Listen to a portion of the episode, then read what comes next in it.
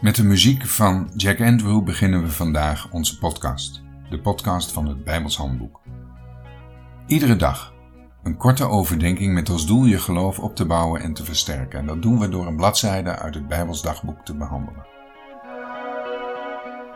Het is vandaag 11 februari en ik wil beginnen met het lezen van Ezekiel 37 vers 9 en 10, waar staat: En hij zeide tot mij: Profeteer tot de geest, profeteer mensenkind en zeg tot de geest: Zo zegt de Heere Heere, gij geest, komt van de vier winden en blaas in deze gedoden, opdat zij levend worden.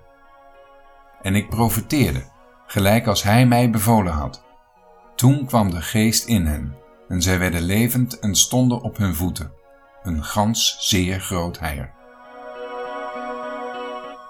Ezekiel moet zich hier richten tot de geest in plaats van tot de beenderen.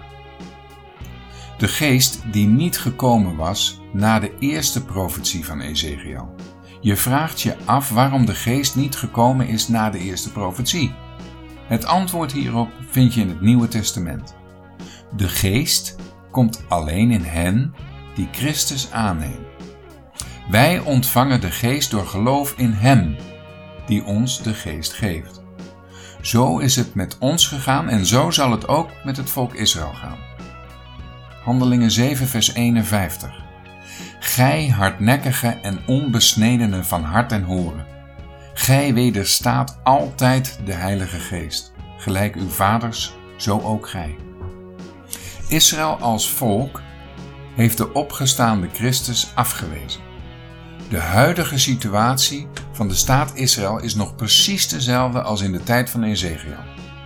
En als in de dagen van de Heere Jezus, een ongelovige Joodse staat die niet tot geloof in haar Messias wil komen.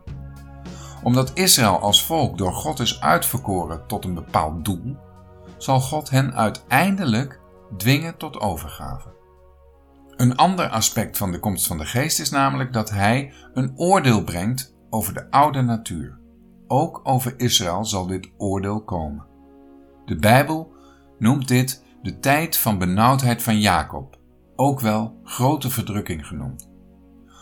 O wee, want die dag is zo groot dat zijns gelijke niet geweest is.